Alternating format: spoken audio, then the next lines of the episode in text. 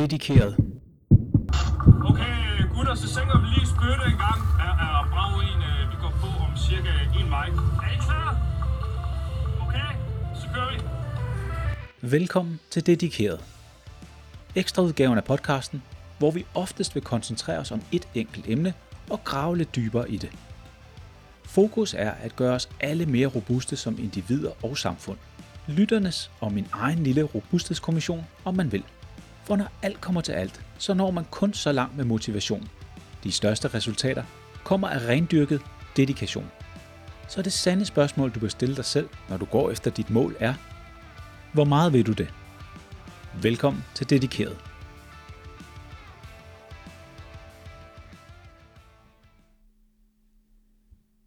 Mine damer og herrer, velkommen til endnu et afsnit af Dedikeret. Afsnittet i dag er lidt spontant, fordi jeg står faktisk og arbejder på udsendelsen, der kommer på mandag, som skal omhandle mænd, mænds sundhed, mænds mentale sundhed, og mænd, der skal have et los bag i. Men det er en helt anden snak. Der må du lytte til næste afsnit. For i dag i Dedikeret, der skal vi tale lidt om et spørgsmål, jeg har fået. Jeg får rigtig mange spørgsmål, og jeg prøver at svare folk så godt jeg kan. Nogle gange får jeg korte spørgsmål, nogle gange får jeg rigtig mange lange spørgsmål, og jeg prøver at svare så godt jeg kan. Jeg svarer altid folk personligt, men jeg tænker at nogle gange, så skal vi, øh, så skal vi have nogle af de her spørgsmål i et offentligt forum, hvor jeg anonymiserer den henvendelse, jeg har fået. Fordi nogle af dem, de er simpelthen så gode. Og nogle af dem, de rammer direkte ind i nogle af de ting, som jeg går rigtig meget op i. Det er blandt andet, når det gælder mindset, det er jo lige mig.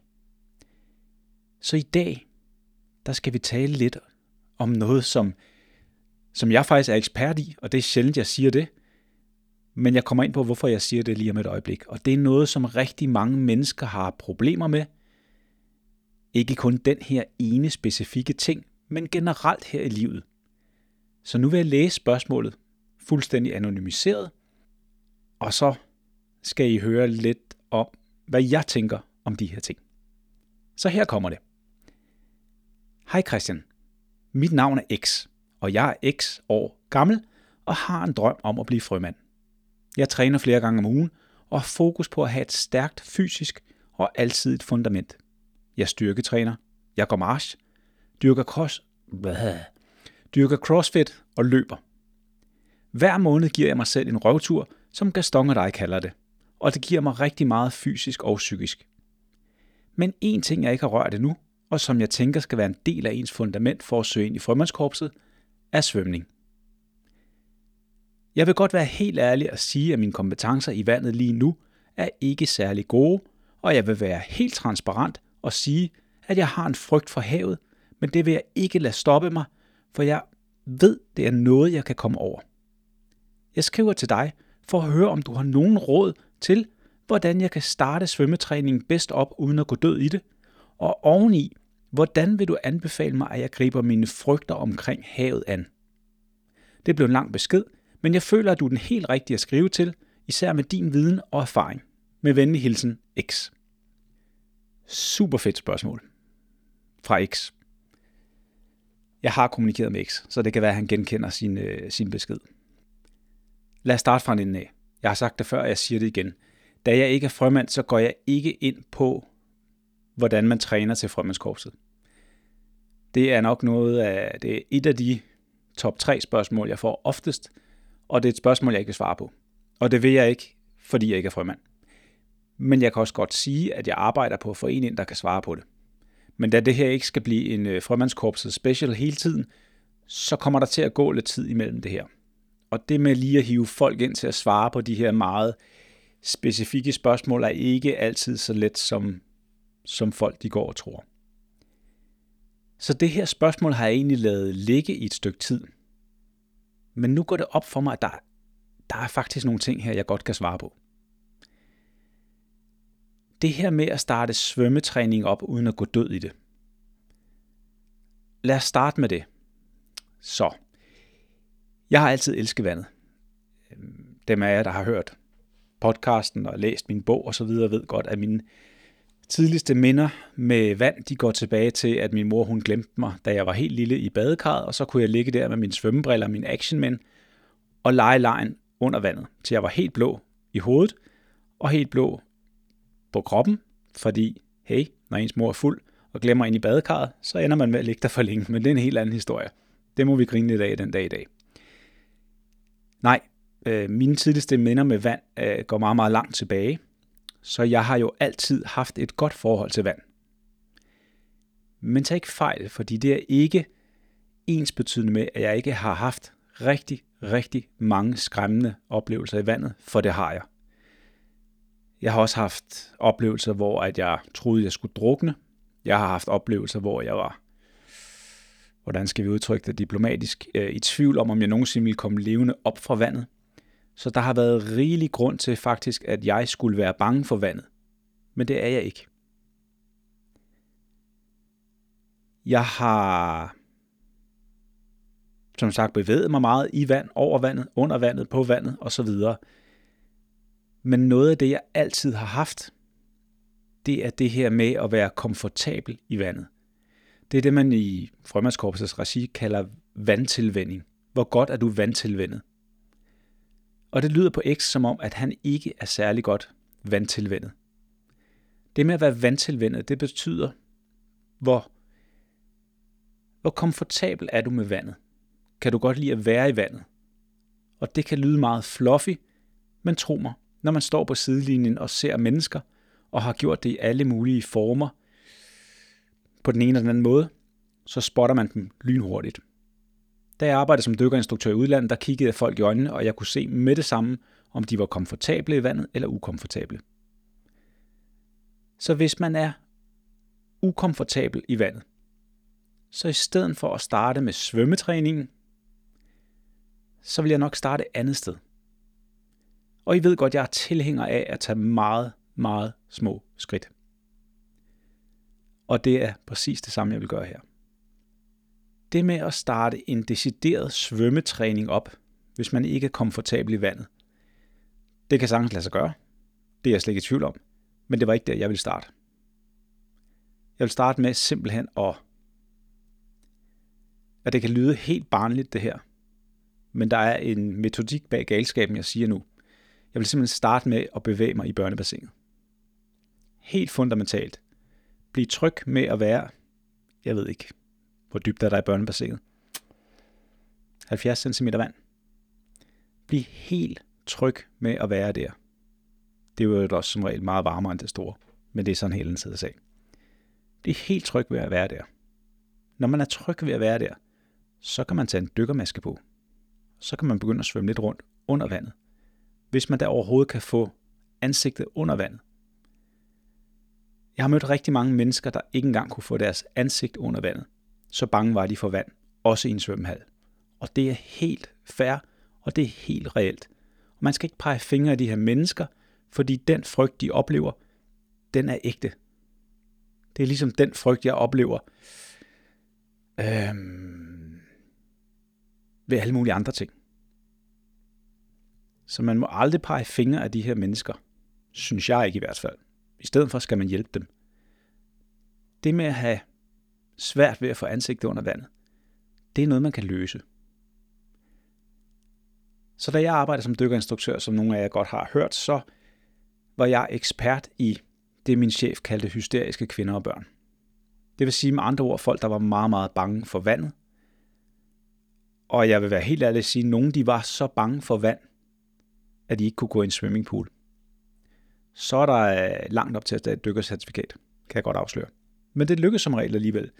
Fordi det, som folk skal lære, det er vandtilvænding. Være komfortabel i vandet. Og så skal man huske at rose sig selv. Hvis man er virkelig bange for vandet, så kan være det at få våde fødder. Det kan være nok. Det at stå på stranden, alene tanken om at skulle gå ud og lade vandet svømme, flyde hen over fødderne, kan være nok for nogle mennesker. Lad være med at starte på stranden. Stranden er ubetinget det værste sted at starte. Start i børnepoolen. Start med at blive komfortabel med vandet i børnepoolen.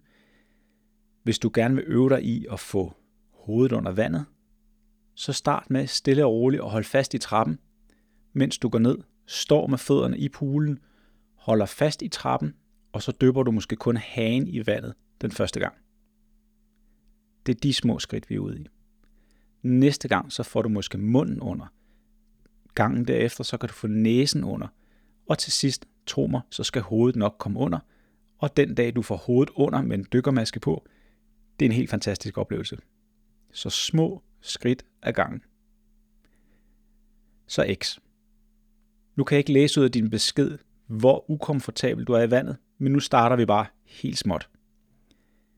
Når du så har bevæget dig fra børnebassinet over i det store, så kan det også godt være lidt en speciel oplevelse, afhængig af hvilken svømmehal du er i. Start med at holde dig til området lige omkring trappen. På et eller andet tidspunkt, når du så bliver komfortabel med det, så kan du begynde stille og roligt bevæge dig langs kanten. Når du er blevet komfortabel med det, så kan du begynde stille og roligt at putte hovedet under vandet. Og det er egentlig det eneste, du skal gøre. Du skal blive komfortabel i vandet. Og det kan jeg jo sagtens sidde og sige, øhm, nu her, hvor jeg selv har tilbragt en stor del, stor del af mit liv i vandet. Men jeg er jo også engang rykket fra børnebassinet over i det store. Og det kan godt være, at det er noget, de fleste børn de gør. Der er altså også nogle børn, der ikke når fra det lille bassin over i det store. Og så har vi balladen, når de bliver voksne. Og det er helt fair. Der er overhovedet ikke noget at, at skamme sig over der. Når man så føler sig komfortabel ved at stå over i det store bassin og have hovedet under vandet, måske endda svømme lidt rundt, man behøver jo ikke være en dygtig svømmer, for at kunne tage nogle svømmetag over øh, i det store bassin under vandet. Når først man har fået den her vandtilvænding, og vandtilvænding, i hvert fald i min bog, det handler meget om at kunne være komfortabel under vandet. Jeg kan fortælle en lille anekdote fra optagelsesugen i Frømandskorpset.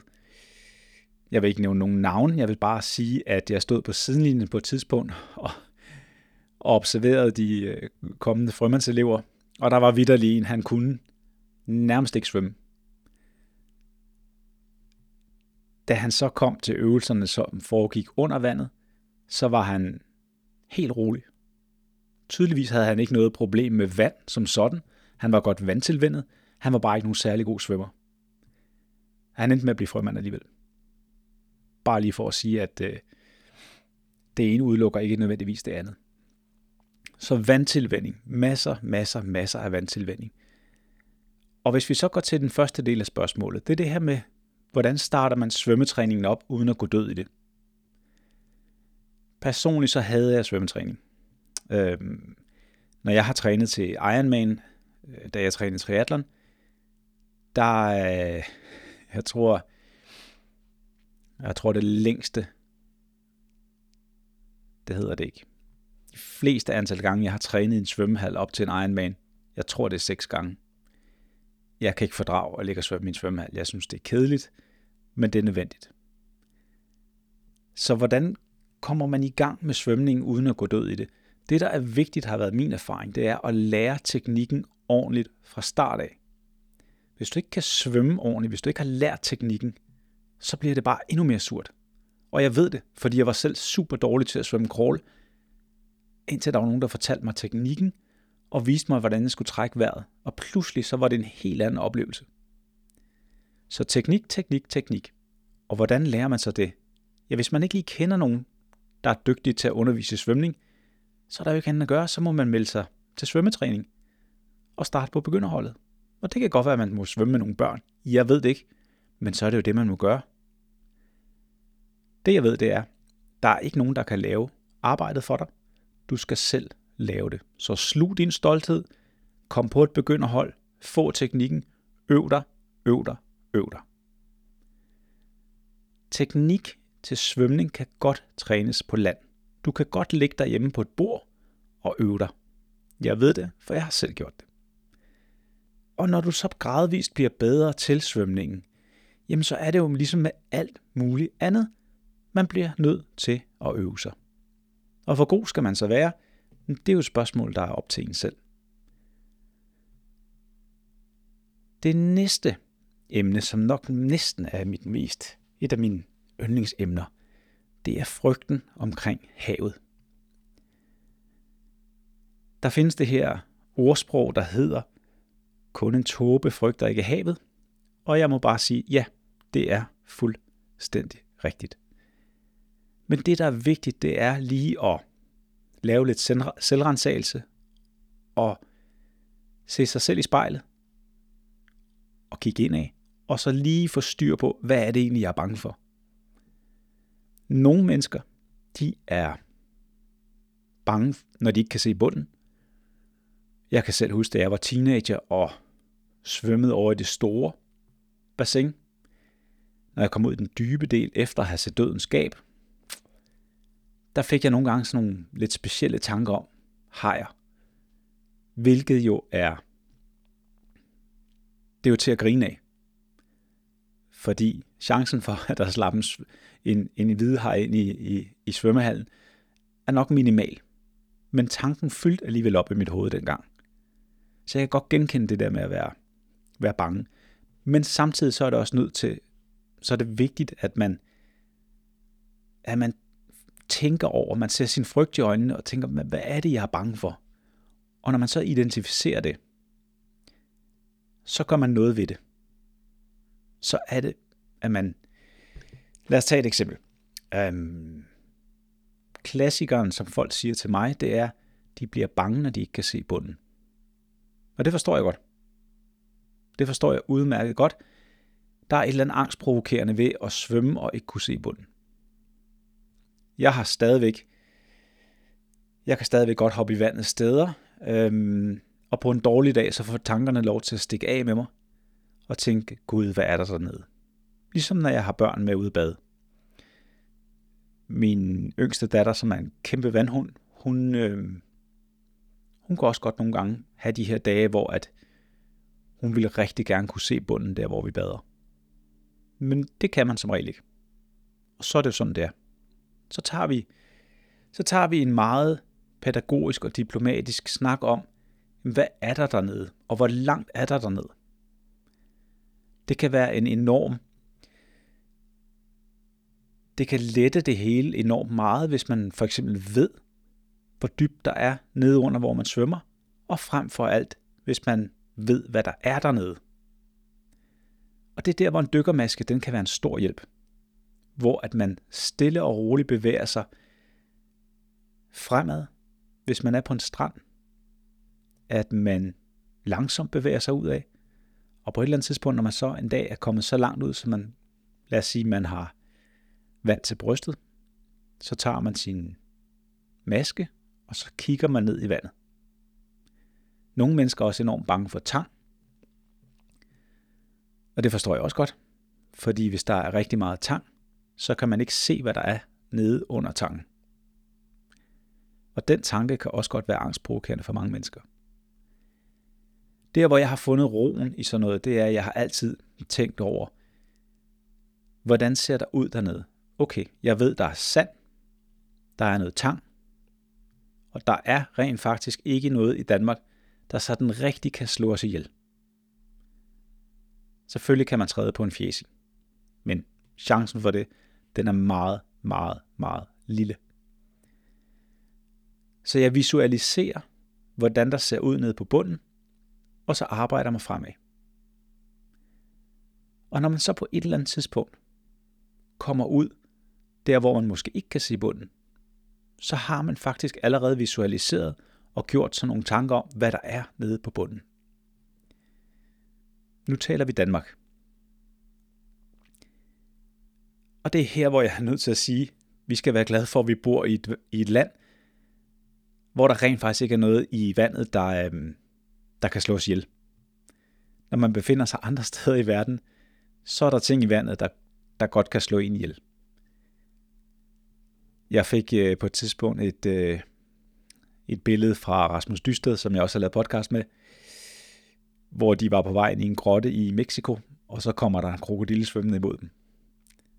Og det er jo, det er jo der, hvor man skal være glad for, at man øh, træner de her ting i Danmark.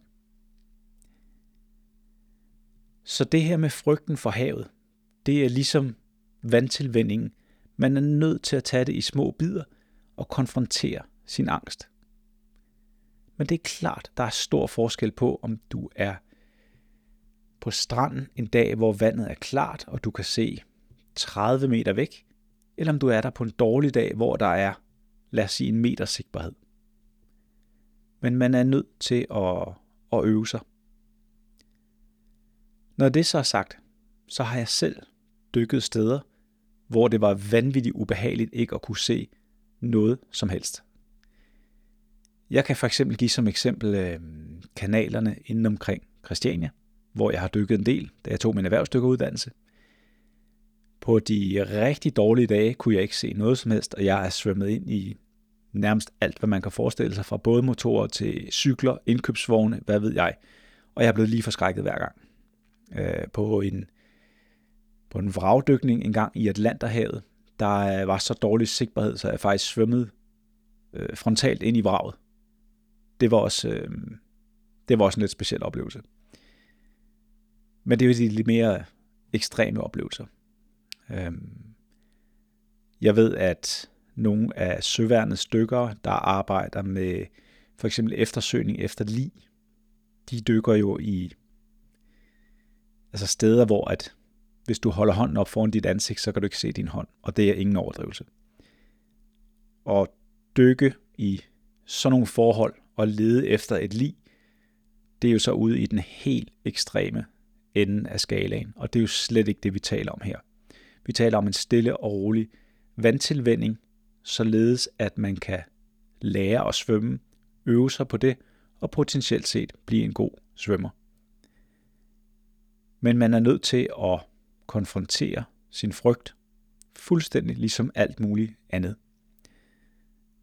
Og det er det, som øh, det er det, som X han efterspørger. Så øh, jeg håber X, at du kan bruge lidt af det her. Man kan jo bruge den her teknik på rigtig, rigtig mange andre ting. Det er jo ikke kun vandtilvænding, men vandtilvænding, det er, hvis man ikke har den fra barns ben af, hvis den ikke falder naturligt, så er det noget, man skal arbejde med og det er og det er noget, som, som tager tid. Det er også noget, som man skal vedligeholde. Fordi det, der er ved det, det er, når man har angst for et eller andet, eller når man er utryg ved et eller andet, så er det meget, meget ofte noget, der kan trænes, ligesom alle mulige andre færdigheder. Men hvis man bliver nu tager vi det helt lavpraktisk. Hvis man nu bliver en god løber, og man så holder op med at løbe, hvad sker der så? Ja, så kommer man ud af form. Det her er nøjagtigt det samme. Det er en af de ting, hvor jeg vil sige, at man skal erkende, at man har en udfordring med det her, og så skal man vedligeholde sin træning med det her, og så skal man på mange områder nok erkende, at det her det er noget, man skal vedligeholde resten af sit liv. Når man har fået den selvindsigt, og er villig til at arbejde med tingene, så når man lærer den her teknik, så er det noget, man kan overføre på rigtig, rigtig mange ting. Så X, din drøm om at blive frømand, den lever i bedste velgående, men der er kun én person, der kan lave det hårde arbejde, og det er dig selv, ligesom med alle mulige andre ting. Lad være med at lade dig stoppe. Start i babybassinet, hvis det er det, der skal til, og øv dig, øv dig, øv dig. Så skal det nok komme en dag. God fornøjelse. Tak for, at du lyttede med. Har du spørgsmål eller kommentar, skriv gerne til mig via kontaktformularen på min hjemmeside, tridenmind.com, under fanebladet kontakt. Hvis din virksomhed, organisation, sportsklub, ungdomsuddannelse eller lignende har brug for et spændende og lærerigt foredrag, så kontakt mig ligeledes gerne. På hjemmesiden kan du også købe min bog, Det fragmenterede sind, der udover min historie, blandt andet er mit bud på, hvordan vi mentalt bliver mere robuste ved hjælp af små, lavpraktiske, daglige færdigheder.